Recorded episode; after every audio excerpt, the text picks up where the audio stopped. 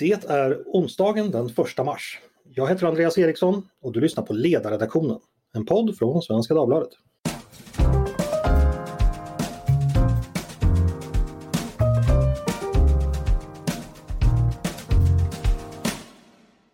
Varmt välkomna! Idag ska vi prata om en av våra konkurrenter, nämligen public service. Hur fungerar just den svenska modellen av public service, där vi ju har tre stycken public service-bolag som finansieras via skatt? Vad är tanken bakom den? Hur ser den politiska diskussionen ut?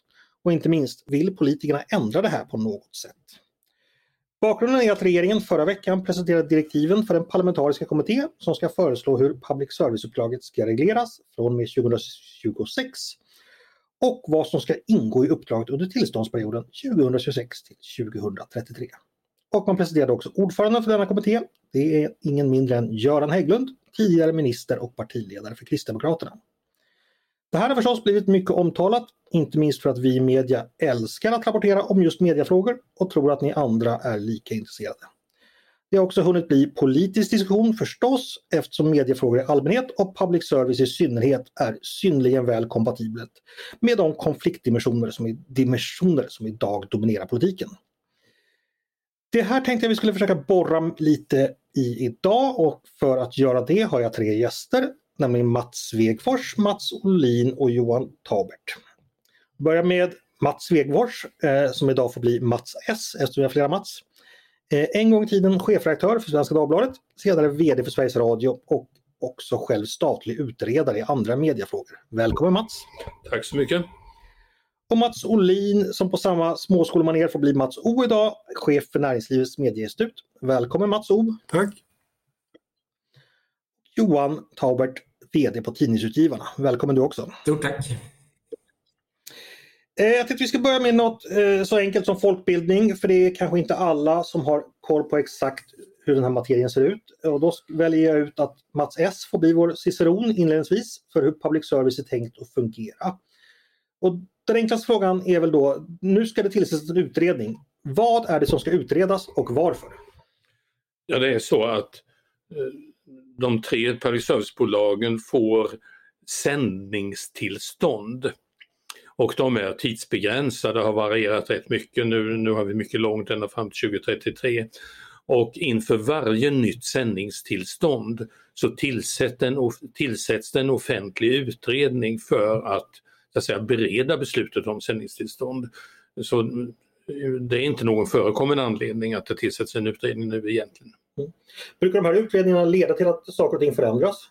Under senare, under senare år har de lett faktiskt till att väldigt lite har förändrats. Det finns i, mer på en teknisk nivå som, eh, som handlar om nya medier, alltså nya att de här bolagen finns i nya medier också. Men när det gäller innehåll och sånt som tilldrar sig det politiska intresset har det inte förändrats särskilt mycket. Och bara kort kring begreppet sändningstillstånd. Varför är det så att man behöver sändningstillstånd för att sända TV i Sverige? Vad, vad, vad beror det på? Radio och TV. Glöm inte att radio finns också. Um, Ja, det, det, har ursprungligen en teknisk förklaring eftersom detta är förmedlat inte via kabel utan man talar om marksänd, det vill säga att konstigt nog att det går i etern. Mm. Och där eterutrymmet är begränsat så därför måste man någon måste bestämma vem som ska få använda det utrymmet. Sen finns en historia långt tillbaka i tiden, både i Sverige och USA och England, att eh, man var rätt bekymrad över den impact som det nya mediet, det vill säga radio på 20-talet skulle få. Så även det var då ett skäl till reglering utav, eh, utav då radio som ju länge var första och ensamma. Mm. Eh, och bara kort ytterligare folkbildning kring relationen mellan politiken och public service-medierna. Eh, Mats S, vem äger public service-bolagen och varför ser det ut som det gör?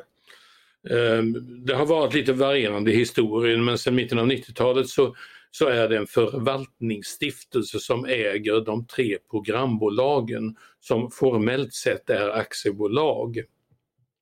Men efter den senaste förändringen utav finansieringen, inte licenser utan numera specialdestinerad skatt, så kan man väl säga så blir eh, de här aktiebolagen mer och mer eh, myndighetslika när det gäller rent organisatoriska eh, frågor. Förvaltningsstiftelsen äger dem, förvaltningsstiftelsens ledamöter utses av regeringen på förslag av partierna i riksdagen.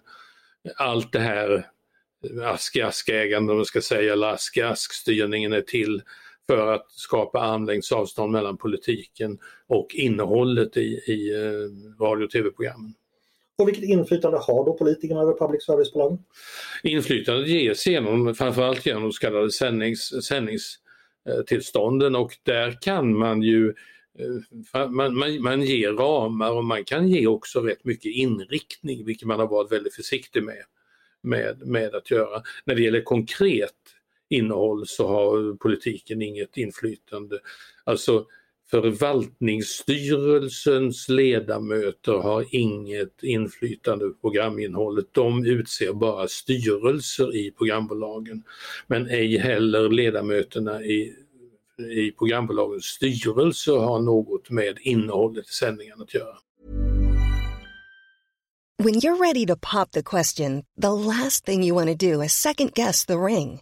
At Bluenile.com, you can design a one of a kind ring with the ease and convenience of shopping online. Choose your diamond and setting. When you find the one, you'll get it delivered right to your door. Go to Bluenile.com and use promo code LISTEN to get $50 off your purchase of $500 or more. That's code LISTEN at Bluenile.com for $50 off your purchase. Bluenile.com code LISTEN. När det gäller sådana saker så används ibland uttrycket follow the money. I det här fallet så kommer ju the money, eh, pengarna från oss skattebetalare då som eh, betalar. Vilket inflytande har vi över eh, public service? Större tror jag än människor är medvetna om. Därför det, handlar ju, det är ju tre bolag men det handlar väsentligen om Sveriges Television och Sveriges Radio. Båda de här bolagen följer ju på dagsbasis lyssnarsiffror. Och inte bara dagsbasis utan program för program, avsnitt på program. Det finns en mycket högre medvetenhet om hur många som lyssnar och hur det här förändras. Och på det sättet finns det en rätt, eh, en rätt påtaglig lyssnarmarknad. Sen har man olika ambitioner för om det är konserter i Berwaldhallen som P2 sänder eller om det är Melodifestivalen i, T2, i, eh, i, i, i TV, SVT. Mm. Så om man i likhet med vissa eh, moderata riksdagsledamöter helt enkelt slänger ut TVn när man är arg på ett program. Om tillräckligt många gör det, då kommer den signalen gå fram till public service och man kommer anpassa sig. Ja, det är klart, skulle några miljoner hushåll slänga ut TVn då är det ju en annan medborgare som kommer få den, få den i huvudet. Så, att då, så det kommer nog ge eko. Ja. Kan ni se att då finns det alltså incitament att få, tycker ni inte om någonting i public service, eh, skapa då en folkrörelse för att slänga ut TVn så kommer ni slippa få höra det ni blir förbannade på. Det gjordes i min födelseort Aneby för flera decennier sedan. Ser, uppmärksammat. Intet nytt sker under solen. Nej. Hör, eh, Mats O, vi släpper in dig. Vill du lägga till någonting i, i Mats S beskrivning av public service-tanken och hur det fungerar i praktiken? Det var ganska komplett va? men eh, jag tycker tillstånden eh, illustrerar ju den här, det här dilemmat att å ena sidan så ska vill politikerna och ska politikerna inte lägga sig i journalistiken. Å andra sidan så måste de ta ansvar för att medborgarna får valuta för pengarna om man säger lite grovt. Och den här rädslan för att lägga sig i journalistiken har ibland blockerat diskussionen om vad ska vi få för, hur, hur ska pengarna användas? Vad ska de användas till och vad ska de inte användas till? Och det, blir liksom, det, det adresseras ju nu i det här nya, nya uppdraget på något sätt. Bara kort släppa in eh, Mats S här. Vad fan får vi för pengarna? Kan man inte gå till sin politiker som ändrar det? Alltså, nu, nu kommer jag att låta lätt propagandistisk men för en bit över tusenlappen per skattebetalare över 18 år så man får ju fruktansvärt mycket. Man får hela tv-utbudet och det som då ligger mig närmast, man får radio, vi, får, vi, har, vi har tre stycken nationella radiokanaler som sänder dygnet runt. Vi har dessutom lokala radiokanaler över hela, över hela landet så att eh, eh, man får ju rätt mycket för man, man, får väldigt mycket för pengarna om man ser ett medie, i, ett, i ett medieperspektiv. Samtidigt så uttaxeras de ju obligatoriskt, det ska man ju vara medveten om. Mm. Men på grund av att det är så i sammanhanget en liten summa så tycker du att det Mats vill lägga till, det, det, det inte så det blir inte så stort problem så att säga? Nej, sam samtidigt tycker jag att det var likadant när jag var på Svenska Dagbladet. Alltså det här att en tidningsstyrelse inte får eh, inte får lägga sig i tidningens innehåll. Alltså det är en integritetsfråga men det ligger framförallt hos chefredaktören. Jag sa till styrelsen på Svenska Dagbladet, ni får jättegärna uttrycka uppfattningar om tidningens innehåll. Ni sitter ju i en tidningsstyrelse.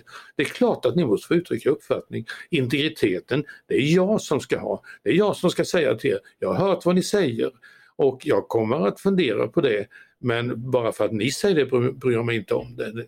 På, sam, på samma sätt, det är, klart att vi må, att, det är klart att enskilda politiker måste kunna, kunna, eh, kunna uttrycka uppfattningar om, vad, eh, om programinnehållet. Slänga ut tvn en dag. Ja, det är så länge man inte kastar ner huvudet på någon. Så. Inte man kommunala föreskrifter för nedskräpning kan blandas in där också. Hörrni, vi ska gå över och prata till den här eh, utredningen. Eh, alltså en kommitté som tillsattes förra veckan och ska jobba fram till nästa vår. Mats O, eh, du har läst direktiven. Var det någonting som överraskade dig där? Egentligen inte så mycket överraskningar kanske, men det som jag noterar är väl fokuset på eh, mångfald och konkurrens och marknadsfrågor.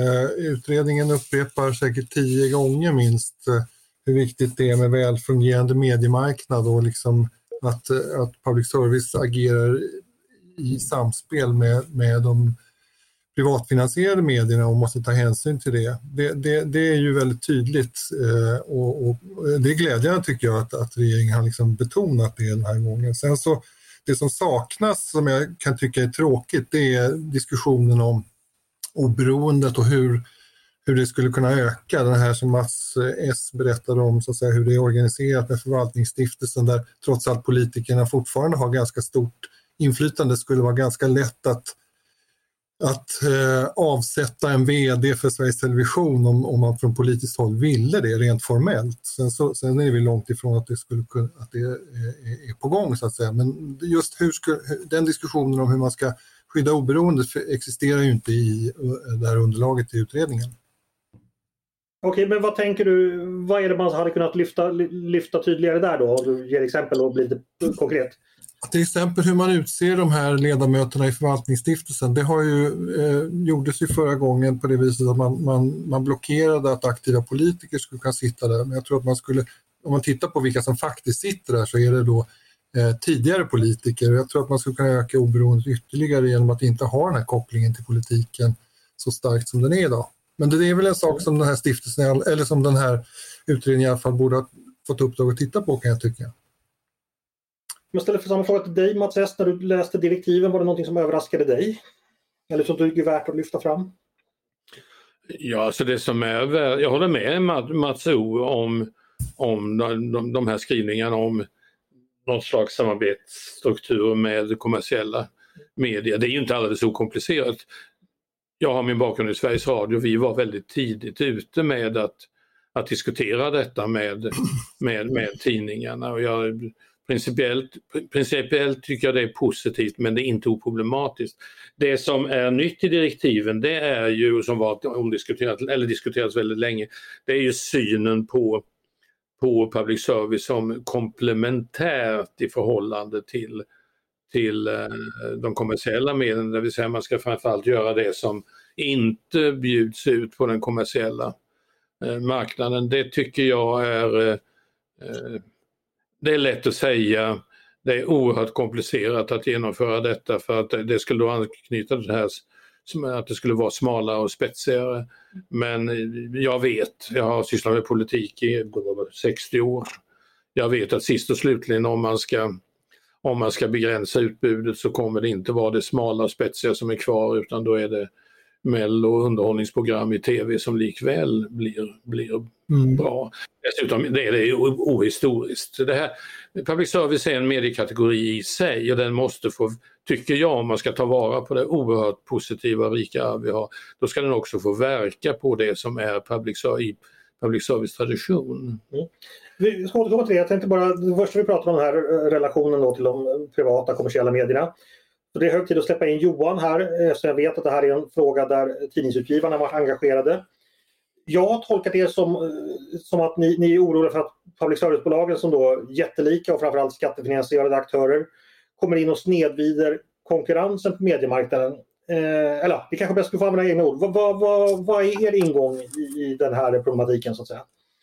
Vår ingång i det här är att eh, digitaliseringen har ju kommit innebära att public service-bolagen inte längre eh, agerar i sina tidigare kanaler endast, det vill säga marknätet, utan också på internet, vilket vi i sig inte har något emot.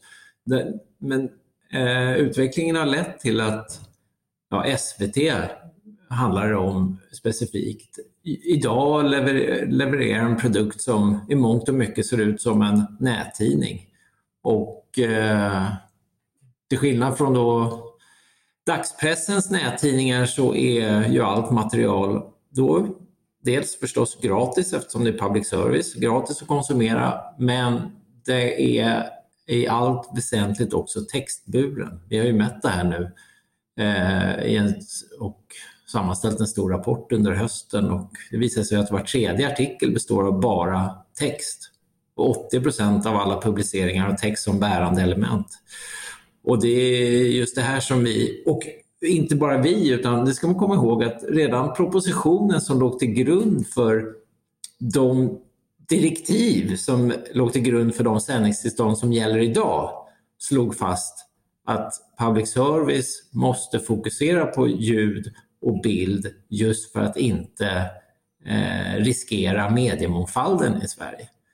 Eh, men sändningstillstånden blev ju sen inte tillräckligt tydliga och konkreta vad det i sak innebär, vilket då har gjort det möjligt för SVT att tolka dem efter eget huvud och då har en nättidning eller en, en app som ser ut som en nättidning som då är gratis att konsumera, vilket såklart är ett problem idag men kommer bli ett ännu större problem längre fram i och med att den eh, digitala läsarintäkten blir allt mer avgörande för att finansiera verksamheten för tidningshusen.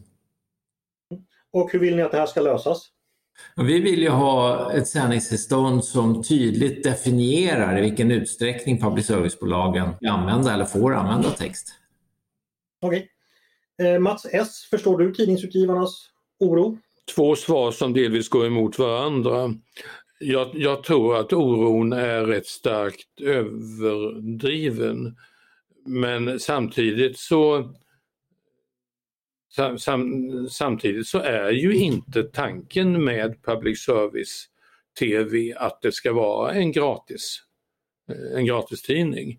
Där, härvidlag är det ju skillnad och nu är det viktigt att säga att jag, jag har min bakgrund i Sveriges Radio. Eh, Sveriges Radio har ju Eh, har ju förhållit sig rätt annorlunda och är mycket tydlig med prioriteringen av ljudet. Att det är ljudet som ska bära och vara det primära. Sen kan man ju säga att, att de nya digitala medierna det är, det är ju inte tidningarnas arena utan det är ju en gemensam arena vilket ju är en effekt av, av, av medieutvecklingen. Precis som Johan säger, nu har jag ju precis fram till för ett halvår sedan utrett eh, mediestödet. Och eh, det, det, är ju en stor förändring det som har inträffat i princip sedan vi diskuterade förra sändningstillståndet, nämligen att detta med eh, betal, att betala för tidningarna på nätet är ju på väg att bli den helt dominerande intäktskällan. Så det är klart att det här sätts på sin spets på ett annat sätt än tidigare. Mm. Mats O, samma fråga till dig. Eh, vad tänker du om tidningsutgivarnas eh, position här? Jag tycker den är fullt rimlig för oavsett hur mycket man älskar public service så måste man liksom höja blicken och, och, och tänka mediemångfald. Det måste ändå vara liksom rättesnöret för politik och det, där är utmaningarna inte små. Men public service är en utmaning och begränsningen av public service påverkan på affärerna. När man talar med chefredaktörer på eh, mindre tidningar ute i Sverige så, skulle jag, så får jag uppfattningen att de gillar när public service tar nyheter och gör dem gratis att säga, i text, eh, om SVT till exempel gör det. Men de kommersiella cheferna på de här tidningarna gillar det inte därför att det är ju ett sätt att, att sno eh, deras eh, potentiella intäkter. Så det, detta måste, här måste man eh, hitta ett, hitta ett samspel som fungerar. Och det är väl framförallt SVT idag som, som tänjer på de gränserna, inte så mycket Sveriges Radio som jag upplever det. Mm. Johan, vi pratade om kommittédirektiven, att det berörs där. Är, är ni nöjda från tidningsutgivarnas sida med hur det har formulerats eller har ni förhoppningar utifrån det? Ja, men vi, vi tycker att eh, direktiven är så tydliga som de säkert kan vara och, och, precis som Mats säger, det återkommer ju på flera ställen eh, i direktiven hur, hur, viktig den här frågan är. Eh, men som jag sa, det här fanns, har också definierats och identifierats tidigare men det har inte liksom nått ända fram sen i sändningstillstånden. Så att det blir väldigt viktigt här nu för oss att försäkra sig om att utredaren i första hand eh, läser direktiven på samma sätt som, som vi gör och uppfattar dem på samma sätt som vi gör. Men jag tycker att direktiven är väldigt tydliga på den här punkten. Bara en fråga, det är ju inte bara så att eh, Sveriges Television har gett sig in på, på tidningarnas marknad. Vi tidningar har ju gett, gett oss in på etermediernas marknad, vilket inte minst den här podden är ett exempel på. Eh, den här poddens stora konkurrenter är ju public service. Varför ska vi som privata medieaktörer behöva konkurrera med aktörer som har garanterade intäkter via skatt, skattepengar? Är den här podden så, så, så dålig så att public service måste göra ett alternativ till den? Eller var, varför, varför kan inte så att säga, vi som privata aktörer få erbjuda det till folket? Eh, någon som har någon tanke om det? Mats? Ja, det är väl ingen som hindrar er att, att göra den här podden på något sätt? Jo, men jag tänker att det kanske ändå fler som lyssnar ifall jag slipper konkurrens från eh, public service. Ja, det finns väl ingen, finns väl ingen utav poddarna i eh, eller programkategorierna i Sveriges Radio som i någon rimlig mening är en konkurrent, konkurrent till en ledare. Nej, det är för sig. Alltså, ledarpodd, så att det, är eh, väl, det är väl ni som får göra den så intressant så människor lyssnar. Mm.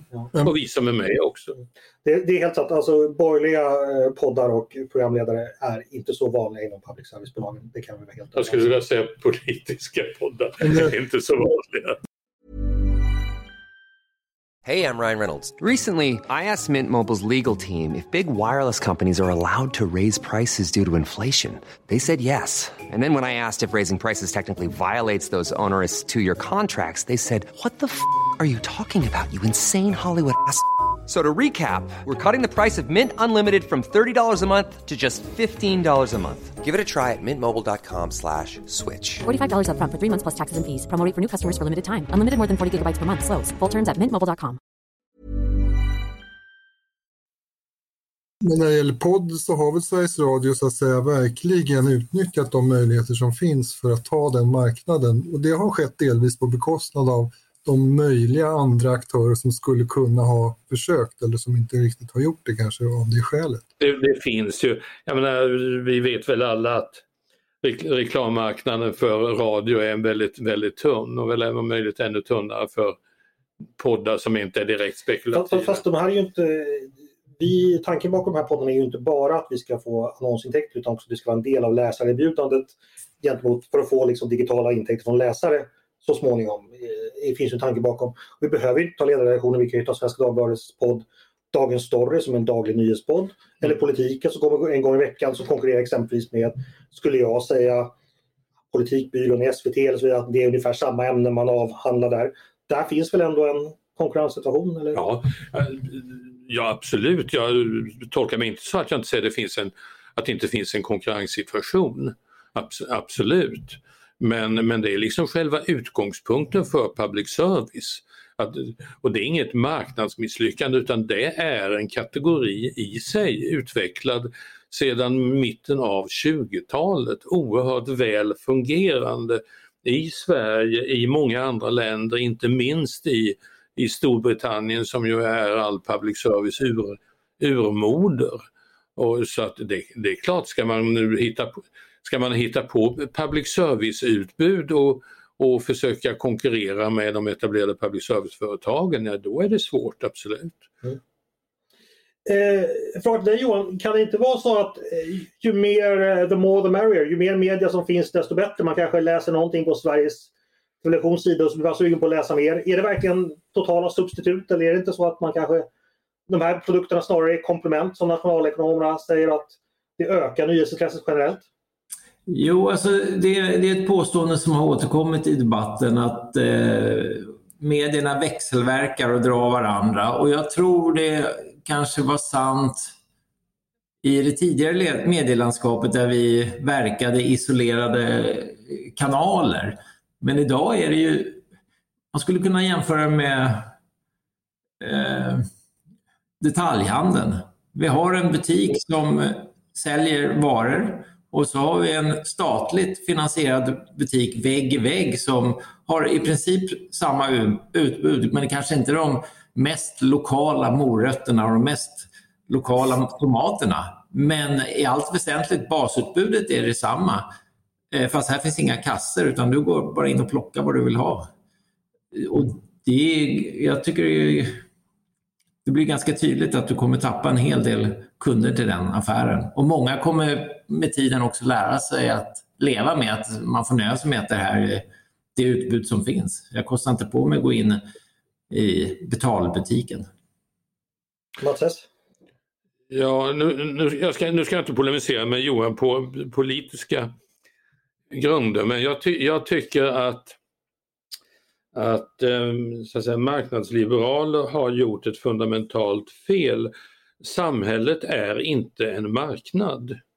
Eh, samhället är större än marknaden för att eh, travestera.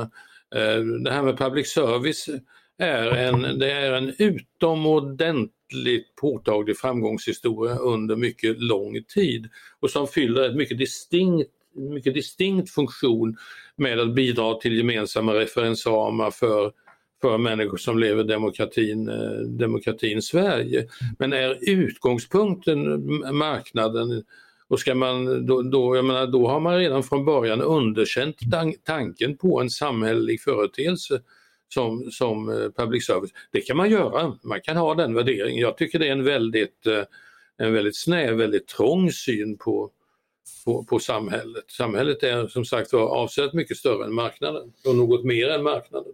Jag tror vi ska släppa in Mats O här, för, för nu kommer Mats S med, med då... Jag vill bara... Ja, vad vill du säga, bemöta detta? Jag, jag, jag tyckte det var bra att Mats sa det här, för att jag vill verkligen poängtera att eh, varken tidningsutgivarna eller tidningsutgivarnas medlemmar är emot public service egentligen i något avseende tidningsutgivarna tycker, och det, det har jag en helt enig styrelse bakom mig, eh, om att public service rätt hanterat är en viktig del av Sveriges mediemångfald. Och eh, precis som båda Matsarna här har sagt så tycker tidningsutgivarna att Sveriges Radio hanterar textfrågan på ett alldeles utmärkt sätt. Så att vi, tidningsutgivarna är inte på något sätt public service-motståndare. Det, det, är viktigt att poängtera här. Mm. Det är okej okay att vara public service-motståndare vill jag lägga till då eh, som sann marknadsliberal. Men eh, det är inte meningen vad jag tycker. Jag tänkte bara släppa in Mats O här. Mats S argument som jag tolkar lite som att det funkar väldigt väl, alltså ett konservativt argument. Varför ska man störa en ordning som ändå har gett oss mycket konkret av värde. Vad, vad, tänker du om det? Nej, men jag, jag är också reformist, men, bara för att ha sagt det. Men eh, det är ordens, ordens makt över tanken här. Alltså, eh, om du istället för marknad, eh, mediemarknad, säger mediemångfald. Då. Det, det är liksom eh, två sidor av samma mynt. Så, så är det, tycker jag, det som måste värnas. Om det nu är så, om vi lyssnar på tidningarna och andra som ändå eh, upplever att det finns en konkurrens eh, som är skattefinansierad, som är besvärlig, som begränsar, så måste, så, så måste det bli en uppgift för den här utredningen och för, sen för politikerna att dra gränsen. Och, och den, det är väl alldeles legitimt att den diskussionen får föras. Det, det är ju inte så att vi, vi kan nöja oss med public service, det låter så ibland, att, att det så att säga skulle vara till fyllest. Det är en institution som klarar det här och, och, och, så får vi vara nöjda med det. Det andra får komma liksom som en rest. Så ser inte jag på saken. Mm. Vill du säga något om det Mats, eller Mats S? ja, jag har ju ägnat eh, ett år av mitt liv åt att försöka främja arbetsförutsättningarna för tidningarna så att jag har väl eh, inte bara med ord utan i gärning också visat att jag jag tycker precis detta att det ska vara både, både och. Sen är det ju så att, eh, att det här förhållandet mellan konkurrens, fri etableringsrätt och mångfald är ju i textbok, textboken, läroboken är det ju enkelt, i verkligheten är det inte fullt så eh, så enkelt. Vi, vi, eh, det är ju på väldigt många områden som vi är, och det är inte bara på medieområdet, som vi är på väg mot rätt oligopolliknande eh, oligopolliknande eh, för, förhållanden och det kan man väl vara om man köper, köper matvaror på ICA men det är klart får vi oligopolliknande förhållanden på mediemarknaden som konkurrensmarknaden kan leda till, då är det inte bra. Men vi ska snart eh, ta avrunda. Jag tänkte bara fråga vad ni tror om framtiden här. Eh, nu är det som jag sa då eh, Göran Hägglund som ska leda den här utredningen. Eh, vad säger du, jag vi börjar med dig Mats S. Göran Hägglund, är han ett, eh, vet, är han ett blankt kort i de här sammanhangen och vilket betydelse har utredaren i det här? Vad, vad, vad ser du framför dig kommer, kommer hända utifrån det?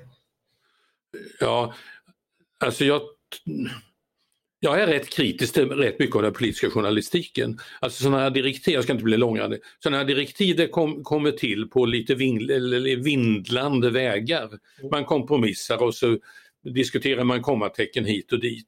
Men sen kommer ju själva utredningsskedet. Ordföranden har stor betydelse. Huvudsekreterare som vi överhuvudtaget aldrig känner namnet på har möjligt ännu större betydelse. Enskilda ledamöter kan ha en jättestor betydelse. Eh, det jag har hört först av Göran Hägglund, han verkar ju inte särskilt revolutionär när det gäller public service om jag säger så. Ännu en reformist. Ja, alla är vi reformister. Jag kan säga då att Mats S eh, gav mig lite skarpt ögonkast när han nämnde det här med, med ordförande i utredningen så jag tar det som en uppmaning för att intervjua fler eh, sekreterare och ordförande för eh, Statens offentliga utredningar i podden. Eh, Mats O, frågar samma fråga till dig. Eh, vad ser du ligger i korten framöver med Göran Hägglund som utredare? Han är en utmärkt person, sen kanske han inte jobbar med mediefrågor så får vi se det som, eh, har svårt att, att, att sia om detta men, men däremot tror jag att utredningen är en bra grogrund för, för politisk bråk och debatt. Jag menar, till exempel granskningsnämndens eh, uppgifter och så vidare, hur det ska skötas och de här ingripande åtgärderna när man kontrollerar journalistik och när man sanktionerar till och med journalistik.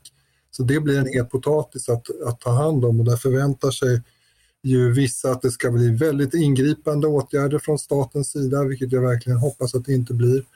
Alltså mer, mer ingripande från granskningsnämnden medan andra är, är, är, lite mer status quo. Men, det, men att, det, att det är en politiskt liksom het fråga som kommer att göda debatten, det är jag övertygad om. Och Johan, slutligen, vill du ha några avslutande ord om eh, vad du ser framför dig att utredningen landar?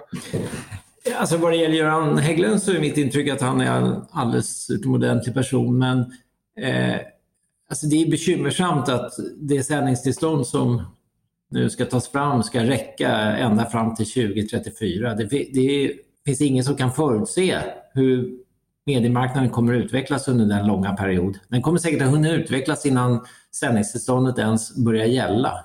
Så det blir en riktig utmaning här. Vi får se. Eh, det finns massor att prata om detta och jag inser att det fanns många frågor som vi inte hann beröra. Det får vi göra en ny podd om snart tror jag. Stort tack eh, Mats Svegfors, Mats Olin och Johan Taubert för att ni ville komma och prata med mig idag. Tack, tack. Mm, tack. Och tack till er som har lyssnat också på Ledarredaktionen, en podd från Svenska Dagbladet. Ni är varmt välkomna att höra av er till oss med tankar och synpunkter på det vi precis har diskuterat eller om ni har idéer på förslag på det vi ska ta upp i framtiden. Maila då bara ledarsidan svd.se. Dagens producent, han heter Jesper Sandström. Själv heter jag Andreas Eriksson och jag hoppas att vi hörs igen snart.